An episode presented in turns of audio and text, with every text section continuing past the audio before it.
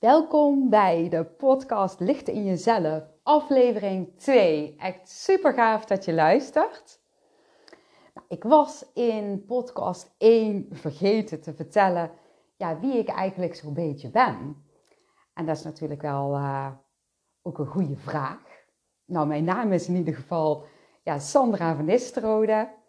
En ik ben geboren in Eindhoven samen met mijn tweelingbroer. En dat is heel leuk om tweeling te zijn. Mijn broer is wel heel anders dan ik, maar dat maakt niet uit. We hebben zoveel aan elkaar gehad en nog steeds. En ik hou heel erg veel van hem. Uh, er is een uh, verhaaltje vooraf, voordat wij uh, geboren zijn. mijn ouders hebben namelijk nog een kindje gehad. En dat kindje heet Ronnie. En Ronnie um, is helaas overleden toen hij twee en een halve maand oud was. Hij is overleden aan een onbekende stofwisselingsziekte, toen der tijd dan. En er bestond heel veel kans dat als uh, mijn moeder opnieuw zwanger raakte, zij weer uh, ja, ongezonde kindjes zou krijgen. Dus er werd echt dringend geadviseerd om niet meer zwanger te raken aan mijn ouders. Maar mijn moeder, oh, die voelde echt zo sterk dat ze toch nog een kindje wilde. En niet lang na Ronnie's dood, toen was ze zwanger van de tweeling. En wij zijn op mijn moeders verjaardag geboren. Ja, helaas zijn wij meteen toen we geboren werden, ja, afgepakt eigenlijk. En in een soort van quarantaine gelegd. Ja, ruim drie weken, vertelde mijn moeder laatst. Wist ik helemaal niet. Daar kom ik eigenlijk nou pas achter. En in die drie weken hebben mijn ouders uh, ja, ons helemaal niet eens vast mogen houden. Dus wij uh, lagen achter glas. Lijkt me best wel uh, bizar. Ook voor mijn ouders dus. Ja. Maar goed, het, het is zo gebeurd. En gelukkig, wij zijn allemaal gezond. En mijn ouders zijn daar natuurlijk altijd heel blij om geweest, dat weet ik zeker. Laatst vertelde ons mam nog hoe dankbaar ze was dat ja, wij nog in haar leven zijn. Mijn vader is inmiddels overleden. Dat is ook een heel mooi verhaal trouwens voor een podcast, hoe dat allemaal is gegaan. Maar ik vind het zo mooi dat mijn moedertje, die kan zo dankbaar zijn. Dat is zo'n lieve schat. Daar hou ik ook zo ontzettend veel van. Zij nam ons uh, al op jonge leeftijd mee naar het kerkhof. Het kerkhof, daar lag Ronnie begraven. En ja, eigenlijk vanaf ik me kan herinneren, nam ze ons daarmee naartoe. En al heel snel ging ik ook zelf. Het uh, kerkhof was vlak bij ons huis. We hebben een hadden een hele grote tuin. En uh, als je dan helemaal aan het eind van de tuin was, dan had je zo'n hele mooie rij met bomen en een hekje. En dan klom ik daar overheen. En dan was er een heel groot veld. Meestal stond er altijd koren. Dat vond ik altijd zo leuk om in te spelen. Maar dan liep ik die koren door. Dat mocht eigenlijk niet van de boer. Maar ja, die zag mij toch niet, want ik was klein. zo klein volgens mij dat mijn hoofd misschien net boven die koren uitkwam. En dan liep ik door het veld en als ik bij het einde van het veld was, was er een grote schutting en die klom ik dan over en daar was het kerkhof. En daar lag ons Ronnie begraven. En ik nam dan altijd uh, een tekening mee of een bloemetje die ik onderweg uh, had gevonden of een beeldje die ik zelf had gekleid. Nou, en die legde ik dan bij Ronnie neer. Maar vaak had ik ook altijd wel iets voor de andere graven. Op een of andere manier voelde ik daar altijd van alles. Het was een magische plek en ja, eigenlijk een soort van lievelingsplek voor mij. Ik kwam er wel al heel snel achter dat als ik ooit een vriendje of vriendinnetje meenam, dat die dat niet zo beleefde. Maar als ik dan een uh, ja, bloemetje of zo neerlegde op een graf, dan voelde ik op een of andere manier het verhaal van die persoon. ik kan het niet zo goed verwoorden, want er was echt een gevoel. Ik kon toen uh, nog niet goed de overleden mensen zien, maar voelen heel duidelijk. En dat gevoel dat gaf me eigenlijk als het ware ja, een verhaal. Nou was ik eigenlijk als kind al wel heel jong veel met de dood bezig. Gewoon omdat ik dat leuk vond. Niet omdat ik dat eng vond. Totaal niet. En ik had ook een eigen dierenkerkhof achter in onze grote tuin. En op een of andere manier kwamen er ook altijd dieren op mijn pad die ziek waren en die dan ja, hun laatste adem bij mij uitbliezen. En daar was er altijd super lief voor. En ja, dan ging ik ze begraven. En dan voelde ik eigenlijk dat ze ja, in een soort van dierenparadijs waren. En dat voelde echt uh, ja, super goed om dat te doen. Ik stelde ook uh, best wel vaak vragen over het hiernamaals aan anderen. En ja, ik voelde wel dat anderen daar niet zo goed raad mee wisten. Maar ik bleef toch wel uh, best vaak vragen daarover stellen. En als ik s'avonds naar bed toe ging, dacht ik altijd heel erg vaak na over uh, de dood en hoe dat dan zou zijn en zo. Ja, ik was daar uh, dus echt al heel, ja, vrij jong mee bezig. Nou, toen ik ongeveer 12 was, toen ging mijn opaatje dood. Dat is de eerste persoon die uh, ja, doodging uh, in mijn leven. En wij gingen kijken, want hij lag natuurlijk opgebaard en uh, de familie kon afscheid nemen. En het aparte was dat ik zag opa wel op zijn bed liggen, opgebaard. Maar ik zag hem eigenlijk naast zijn lichaam staan. En dat was eigenlijk het eerste moment dat ik een overleden persoon kon zien. En eigenlijk kon ik er ook gewoon mee praten, maar ik wist dat anderen dat niet konden horen. Dat voelde ik dan weer. Nou, en toen reden we naar huis toe. En ik kan me nog heel goed herinneren dat ik dat uh, ja, een beetje zo probeerde uit te leggen aan mijn ouders. Maar dat mijn ouders daar helemaal niks vonden. En dat ik vroeg, uh, ja, hoe zit dat nou met ja, als je doodgaat? En mijn moeder die zei van, joh, ja, je hebt de hemel en je hebt de hel. Dat weet je toch? Want we waren ja, dan katholiek uh, opgevoed. Uh, niet heel streng hoor. Ja, en mijn vader, die zei eigenlijk, want die was volgens mij best wel geïrriteerd omdat ik de hele tijd aan het doorvragen was. Als je dood bent, dan is er helemaal niks. Met andere woorden, nu erover ophouden. En ik schrok daar zo van. En dat voelde zo niet goed. Dat ik ook echt helemaal niks meer durfde te vragen. En ja, later ben ik daar toch wel gaan vragen aan uh, andere volwassen mensen. Dus bijvoorbeeld leraren. Maar op een of andere manier had niemand zo'n ervaring ooit gehad als ik had gehad. En ja, als meisje van 12 begin je dan toch een beetje te twijfelen van ben ik nou gek aan het worden of hoe zit het? Terwijl je heel goed voelt en weet, ja, het is zo.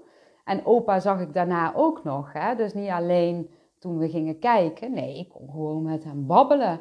En het, hij was gewoon er veel meer bij mij, zeg maar, als uh, toen hij nog leefde. Dat was echt bizar eigenlijk.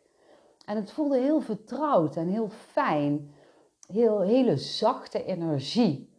En heel helpend en beschermd. Zo voelde hij. Maar goed, ik ging toch uh, ja, wel aanpassen aan hoe de maatschappij van mij verwachtte. En uh, ja, als het ware ging ik toch een beetje afwijken van ja, de ware kern van wat ik dus werkelijk uh, voelde. Dat doe je gewoon als kind. Ik denk dat iedereen dat wel doet hè, aan gaan passen wat je mee hebt gekregen. Je kan eigenlijk bijna niet anders. En ja, in die tussentijd, zeg maar, of in de tussentijd bedoel ik eigenlijk helemaal niet. Ik bedoel eigenlijk te zeggen, ehm, heel lang um, ging ik mijn eigen aanpassen en maakte ik ook best hele heftige dingen mee. Misschien dat ik dat nog in uh, andere podcasten ja, deels ga vertellen. Uh, waardoor uh, ik nog meer ging afwijken van de ware kern. Achteraf gezien weet ik dat ik al die hele heftige dingen allemaal nodig heb gehad om te komen waar ik nu ben omdat ik daar heel veel van heb geleerd en echt super veel ervaring van op heb gedaan, waardoor ik nu bijvoorbeeld het werk kan doen wat ik nu doe.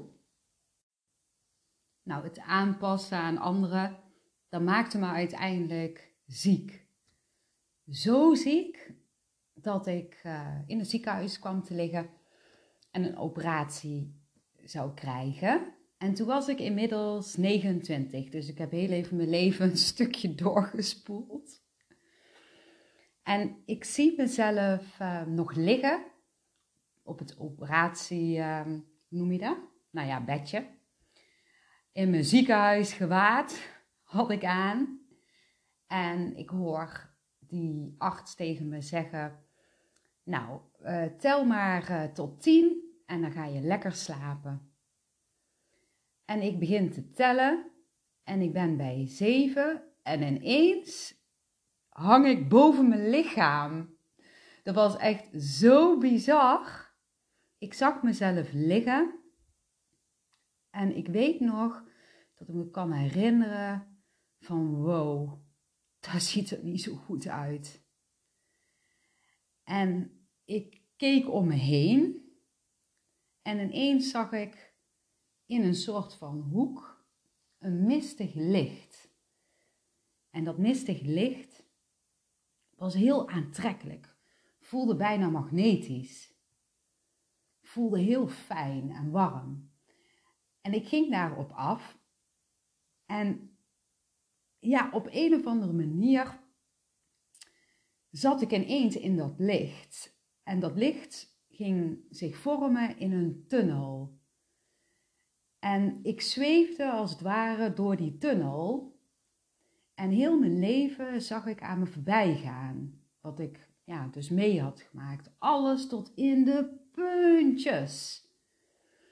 En ik kon ook zien welke vorige levens er in verbinding stonden met uh, dit leven en waarom dat bepaalde dingen zo waren gebeurd. En ook voelde ik waarom ik ja, ziek was, omdat ik dus ja, aan het afwijken was van een bepaalde zielsplanning. En ja, het was zo duidelijk. Het is heel lastig om het te verwoorden, maar ik hoop echt door dit verhaal dat ik jullie een beetje mee kan geven ja, hoe het voelde. Want eigenlijk gun ik iedereen zo'n ervaring. Ja, niet om, om dood te gaan, uh, bijna dood te gaan natuurlijk, want het was dus een bijna doodervaring. Maar wel om ja, dat fijne gevoel en die helderheid daarvan uh, te voelen. Nou, ik ging door die tunnel en het, het, voelde alsof ik daar al, ik weet niet hoeveel keer heen en terug was geweest door die tunnel. En um, wat ik ook uh, voelde was overleden mensen. Ik zag ehm, Ronnie, mijn broertje, en ik zag opa heel erg duidelijk. En ik zag ook nog anderen die in de tussentijd waren overleden. Vriendin van mij en een vriend van mij. En ja, het was zo intens en zo fijn. En uh, ik, ik reisde verder door. En toen naderde ik eigenlijk een soort van ja, einde van de tunnel. Zo voelde het in ieder geval. En het leek wel of dat daar een soort van grens was. En als ik die grens over zou gaan, dan zou ik voorgoed mijn lichaam verlaten. En normaal gesproken, want ik voelde dat ik al zoveel keren uh, ja, dood uh, was gegaan en ook weer geboren was gegaan. En dan ga je sowieso over die grens heen. En normaal gesproken ga je dus heel gemakkelijk over die grens heen als je dus doodgaat. Maar op een of andere manier bleef ik stilhangen en dat voelde zo gek. En ja, ik, ik weet niet hoe ik het uit moet leggen. Het is zo'n ja, heel raar gevoel alsof er dan iets niet klopt. En ik voelde ook de energie van wat daar was over die grens. Het was een uh, ja, soort van ja, bron waar je vandaan komt. Ja, je hebt heel, heel veel verschillende namen. Hè? De, de ene noemt het uh, het paradijs, de andere de hemel.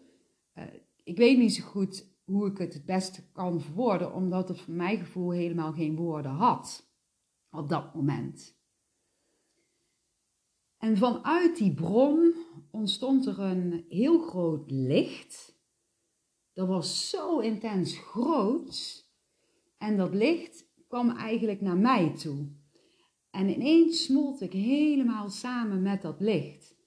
En dat was ja, echt het meest intense, liefdevol gevoel wat ik ooit in mijn leven heb gevoeld. Daar zijn dus ook echt geen woorden voor. Alleen maar liefde. En heel veel vertrouwen. En ik kon eigenlijk de mooiste klanken horen die er bestaan, terwijl ik eigenlijk ook weer geen klanken hoorde.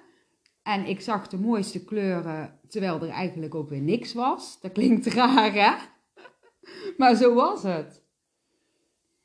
En ja, samengesmolten met dat licht, kreeg ik ineens een herinnering van het moment voordat ik geboren werd. En die herinnering was dat ik mijn leven uitkoos. Precies zoals ik wilde hebben als ziel. En daar was ik ook helemaal blij, blij mee met wat ik allemaal uit had gekozen. En ook al die heftigheid die ik mee heb gemaakt. En uh, het afwijken van mezelf. Alles zat in die zielsplanning. En ik kon alleen maar liefde voelen. Je ego, je denken is dan ook totaal niet aanwezig in zo'n moment van een bijna doodervaring. Alles is compleet. En er is een en al liefde en vertrouwen. En ik was zo blij dat ik eruit had gekozen. En ik kon ook precies zien, nog duidelijker, waarom het tot nu toe zo was verlopen. En dat er een soort van omkeer zou komen. En in die omkeer zou ik dus gaan doen wat, um, ja, wat ik werkelijk wilde als zielsdoelen, zeg maar. Zielsdoelen die ik uit had gekozen, die zeer liefdevol waren. En uh, dat ik daar weer als ziel heel veel van zou leren. En ik voelde alleen maar liefde, liefde, liefde, liefde, liefde. Ik was gewoon intens verliefd op mezelf.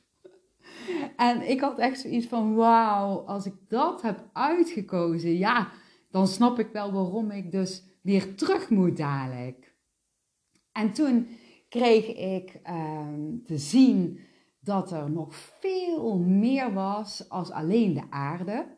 En het voelde alsof er ook splitsingen van mezelf waren op andere plekken. Dit klinkt heel erg zweverig misschien. Maar ja, ik vertel maar gewoon wat ik heb beleefd en hoe het voor me heeft gevoeld. En ja, ik hoop dat het dan voor jullie toch een beetje duidelijk is. Maar ja, dat, dat was zo groot ook, waardoor ik ook voelde ja, hoe klein ik ergens was als ik uh, weer in mijn lichaam zou zijn op de aarde. En ja, toch voelde dat ook weer heel erg goed. En op een of andere manier voelde ik toen dat uh, ik weer terug zou gaan. En daar was ik ook helemaal blij mee. En dat licht wat samen met me gesmolten was, ging weer terug eigenlijk naar de bron, naar het paradijs of hoe je het ook wil noemen. En toen ineens zat ik weer helemaal ja, alleen als ja, kleiner deel ziel in die tunnel. En hoorde ik bij mijn lichaam mijn naam roepen. En die artsen die bij mijn lichaam waren, die waren mij proberen bij te krijgen. En die riepen dus mijn naam.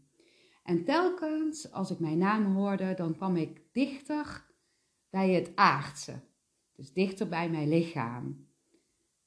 En ja, ik weet het niet precies zeker, maar ongeveer een keer of zes, zeven hoorde ik mijn naam. En toen ineens schoot ik keihard terug in mijn lichaam. En dat was zo heftig. dat kan ik ook weer niet uitleggen eigenlijk. Maar het voelde alsof ik in een baksteen terecht kwam. In eigenlijk een doodziek lichaam. En ja, dat uh, was zo heftig dat ik uh, helemaal eigenlijk in paniek was. En heel erg hard begon te huilen. En volgens mij hebben ze me toen ja, iets gegeven waardoor ik heel lang heb geslapen. En toen ik wakker werd, wist ik nog precies wat er allemaal ja, was gebeurd. En ik voelde ook dat ik daar eigenlijk tegen niemand op dat moment kon zeggen. Ik had echt het gevoel dat als ik dat nu tegen iemand zou zeggen, mensen om me heen, hè, toen der tijd, dat ze echt dachten dat ik gewoon helemaal hartstikke gek was geworden. Dus ja, het enige wat ik kon doen is uh, het voor mezelf houden. En dat heb ik ook gedaan, een week of zes ongeveer. En in die week of zes was dat ook best moeilijk om dat voor mezelf te houden. En ik vroeg eigenlijk aan het universum van jongens, kunnen jullie me alsjeblieft iemand sturen met wie ik dit kan delen? En in de vroege ochtend, na die zes weken, ging ik wandelen. En het was nog heel vroeg, een beetje koud nog. En ik liep daar met mijn uh, kindje, want ja, ik had uh, toen de tijd een huilbaby. Die was nogal vroeg wakker. En er was eigenlijk bij helemaal niemand. En ik liep een stuk verder en verder en verder. En ineens kom ik daar een vrouwtje tegen. En ik had ze wel eens ooit eerder gezien. En uh, we zeiden hoi tegen elkaar. En ze vroeg eigenlijk meteen, uh, hoe is het met jou? Dus ik begin gewoon een beetje zo te vertellen, koetjes, kalfjes. En toen zegt ze ineens van, maar hoe is het nu echt met jou? En toen moest ik echt keihard huilen. En toen kwam alles eruit. En toen deelde ik met haar wat ik mee had gemaakt. En toen zegt ze, ik weet precies wat je bedoelt, want ik heb hetzelfde meegemaakt. En toen voelde ik ook dat zij echt op een pad uh, ja, is gestuurd, zodat ik het kon delen. Nou, ik was echt heel dankbaar dat ik haar heb mogen ontmoeten. En ze vertelde waar ze woonde en ze zei van als er iets is, dan kom maar gewoon even langs. En dat heb ik toen ook wel gedaan. En zij heeft mij ja, wel geholpen daarmee, zodat ik een beetje ja, begreep wat er eigenlijk ja, was gebeurd en hoe ik daar ja, dan mee om kon gaan. En ik voelde ook dat ik gewoon echt in een omkeer terecht was gekomen. En heel veel mensen die ik toen om me heen had, ja, die zou ik ook los gaan laten. Ik zou ehm, ja, hele andere dingen gaan doen. Dingen die ja, echt heel goed voor mij voelden. Ik kon eigenlijk niet anders. Want als ik iets zou gaan doen wat energiekostend was, ja, dan werd ik weer ziek. En ik was net eigenlijk een beetje aan het opknappen. Maar wat ook heel bizar was, na die bijna doodervaring, ik kon toen weer heel goed alles tot in de puntjes voelen. Wat ik eigenlijk als kind ook zo goed kon, kon ik toen weer heel sterk voelen. En dat was ja, ook heel intens en best ook moeilijk omdat um, de woorden die mensen zeiden tegen mij, die klopten vaak, heel vaak niet bij wat uh, men uitstraalde. En wat ze uitstraalde, dat pikte ik dus haar fijn op. Dat kon ik eigenlijk als kind ook. En um, ja, doordat ik me eigen zo aan had gepast aan alles en iedereen, um, ging dus meer naar de woorden luisteren. Maar nu kon ik niet anders dan naar die energie te luisteren. Nou, en zie daar maar, maar eens uh, mee om te gaan ik had ook echt heel erg de les om ja, bij mezelf te blijven en goed te voelen uh, wat ik nodig had, wat mijn lichaam nodig had, mijn, uh, mijn geest nodig had. Maar goed, de mensen om mij heen, die waren natuurlijk niet gewend dat ik ineens meer ging kiezen voor mezelf. Die vonden dat best wel moeilijk. En die dachten echt van, ja, die is echt gek geworden. Die is nu zo ineens iemand anders. Van, wat moeten we daar nou mee? En daardoor ja, zijn er ook heel veel mensen ja, uit mijn leven gegaan toen der tijd. En kon ik niet anders als dat te gaan doen wat ik voelde, wat ik wilde doen. Mijn creativiteit um, voelde ik ook dat die echt in gang gezet mocht worden. Dat had ik ook tijdens de bijna doodervaring heel sterk gevoeld dat dat bij mijn zielsplanning hoorde.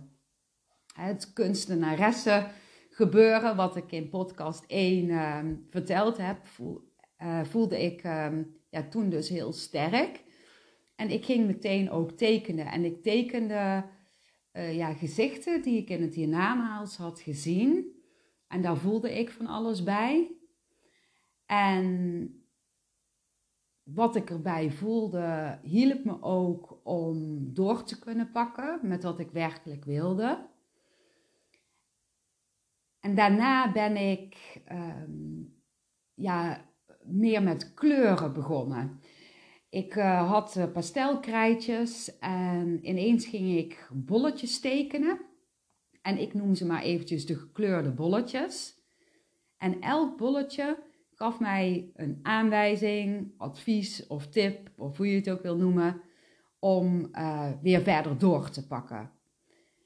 En uiteindelijk, die bolletjes, uh, die zagen andere mensen en uh, andere mensen vroegen van, ja, wat ben je eigenlijk allemaal aan het doen met die gekleurde bolletjes? En toen vertelde ik dat ik daar van alles voelde en ze vroegen toen ook van, goh, wil je dat ook voor mij doen?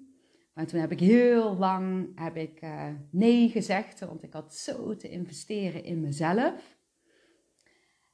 En toen uiteindelijk kwam ik weer iemand die uh, ja, mij hielp. Want ik, ik was wel al beter aan het worden. Maar ik had nog eventjes iemand nodig uh, als extra ondersteuning. Zij was uh. En zij kon ook uh, ja, voeten lezen. en eigenlijk ben ik heel uh, nuchter. Dat zou je misschien niet zeggen met dit verhaal. Maar ik moest wel een beetje lachen toen ze zei van... Vind je het leuk als ik jouw voeten lees? Ik zeg, ja, doe maar. En ze ging mij voeten lezen en ze zegt tegen mij van... Wauw, jij bent creatief. Doe je daar iets mee? En toen zeg ik zo uh, tegen haar van... ah, ik ben een beetje aan het tekenen. En toen zegt ze van, ja, wat teken jij dan? Ik zeg, nou, zijn van die gekleurde bolletjes. Oh, leuk, zegt ze. Voelt goed. Zou je die de volgende keer eens uh, mee kunnen nemen? Ik zeg, ja, dat is goed. Ik, uh, ik, neem wel een bolletje mee. Nou, zo gezegd, zo gedaan. Ik kom de volgende keer, uh, of ja, de keer erop terug. En ik neem een tekening dus mee. Ik laat die haar zien.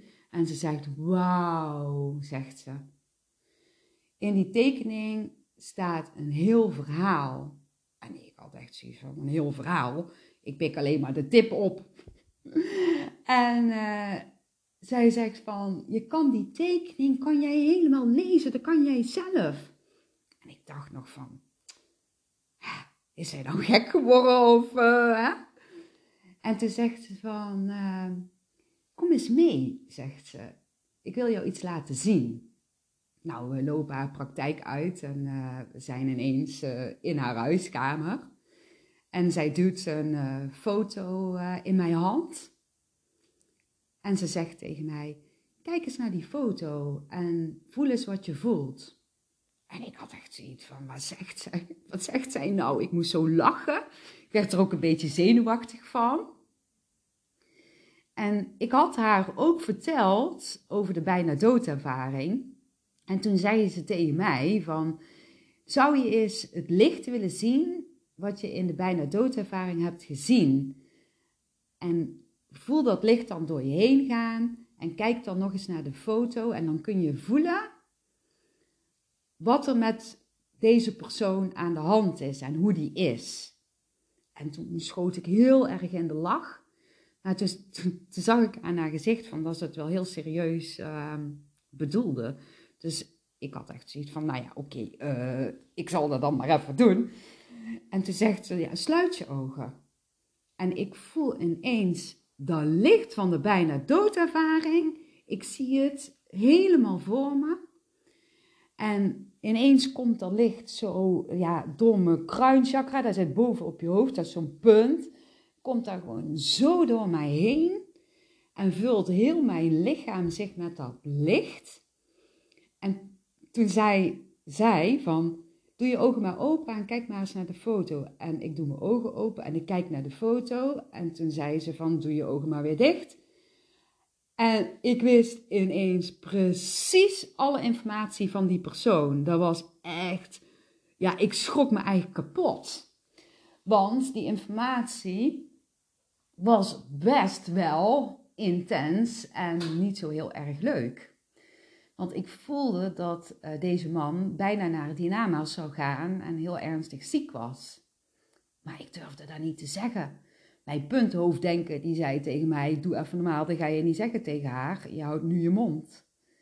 En zij zag aan mijn gezicht dat ik dat voelde. Want ja, blijkbaar is dat toch aan mijn gezicht af te lezen. Maar ik begon toch uh, voorzichtig dan te vertellen Ehm, ja, wat ik voelde qua karakter bij die man en zo. En uh, toen keek ze me echt recht in mijn ogen aan en toen zegt ze, zeg nou eens wat je echt voelt. En toen begon ik te, te vertellen en dat klopte tot in de puntjes. Ja, het was uh, haar vader en haar vader was ernstig ziek. En op dat moment ging er iets open, joh. Oh, en dat is nooit meer dicht gegaan. En zij had ook verteld tegen mij dat ik nog zoveel van die bolletjes zou tekenen, ook voor andere mensen. En ik geloofde dat toen helemaal niet. Maar dat is wel gebeurd. En zo is uh, de praktijk licht in jezelf ontstaan.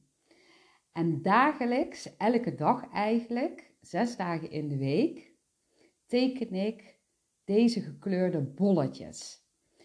En Eerst noemden mensen ze de energiebolletjes. En jaren later kwam ik bij iemand en die iemand kon heel mooi schrijven. En ik had voor haar en ja, mensen uit haar bedrijf had ik ook zo'n tekening gemaakt.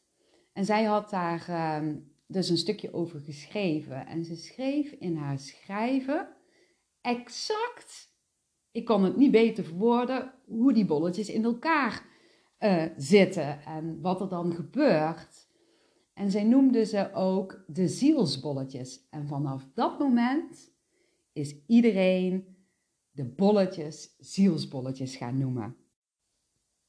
En als ik een zielsbolletje maak voor iemand, dan stem ik eigenlijk af op de energie van hun. Eigenlijk is dat gewoon een natuurlijk proces.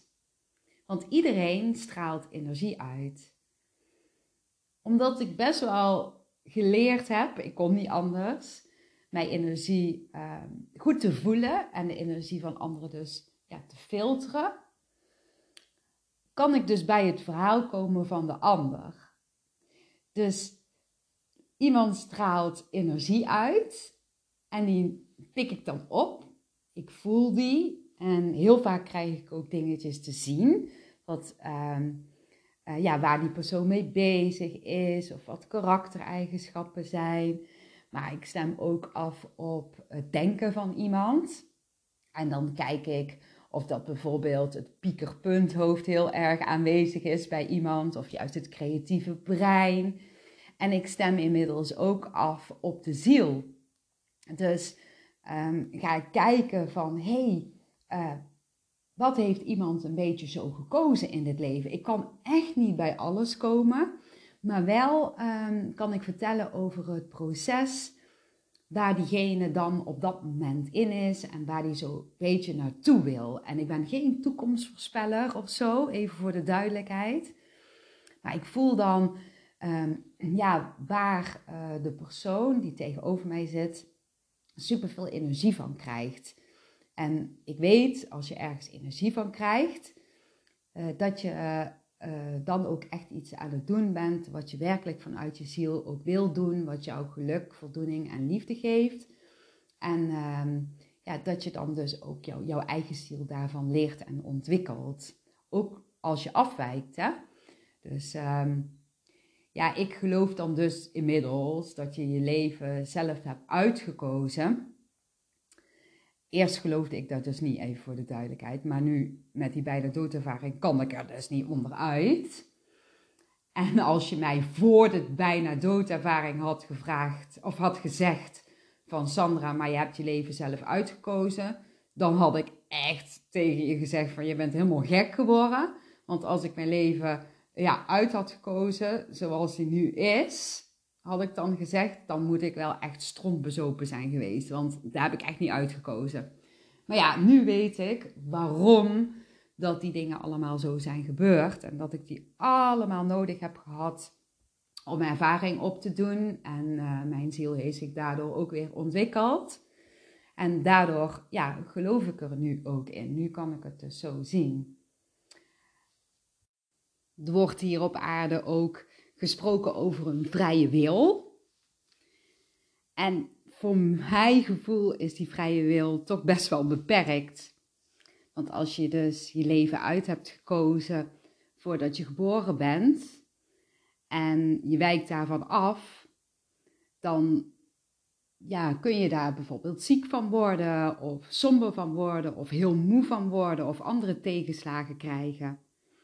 En die tegenslagen of dat ziek zijn, dat gaat eigenlijk net zo lang door, totdat jij weer naar jouw gevoel gaat, naar wat jij werkelijk wil en wat jij ja, dus eigenlijk als ziel hebt uitgekozen. En misschien vraag je je eigen af, ja, waarom wijk je eigenlijk dan af in het leven? Ja, ik geloof zelf dat je daar toch dan weer heel veel van leert en een bepaalde ervaring uh, ja, opdoet, die je dus in de verdere ja, toekomst kunt gebruiken. Nou, dit was uh, ja, het verhaal een beetje van mezelf en de bijna doodervaring. En ik hoop uh, dat jullie het een beetje hebben kunnen voelen.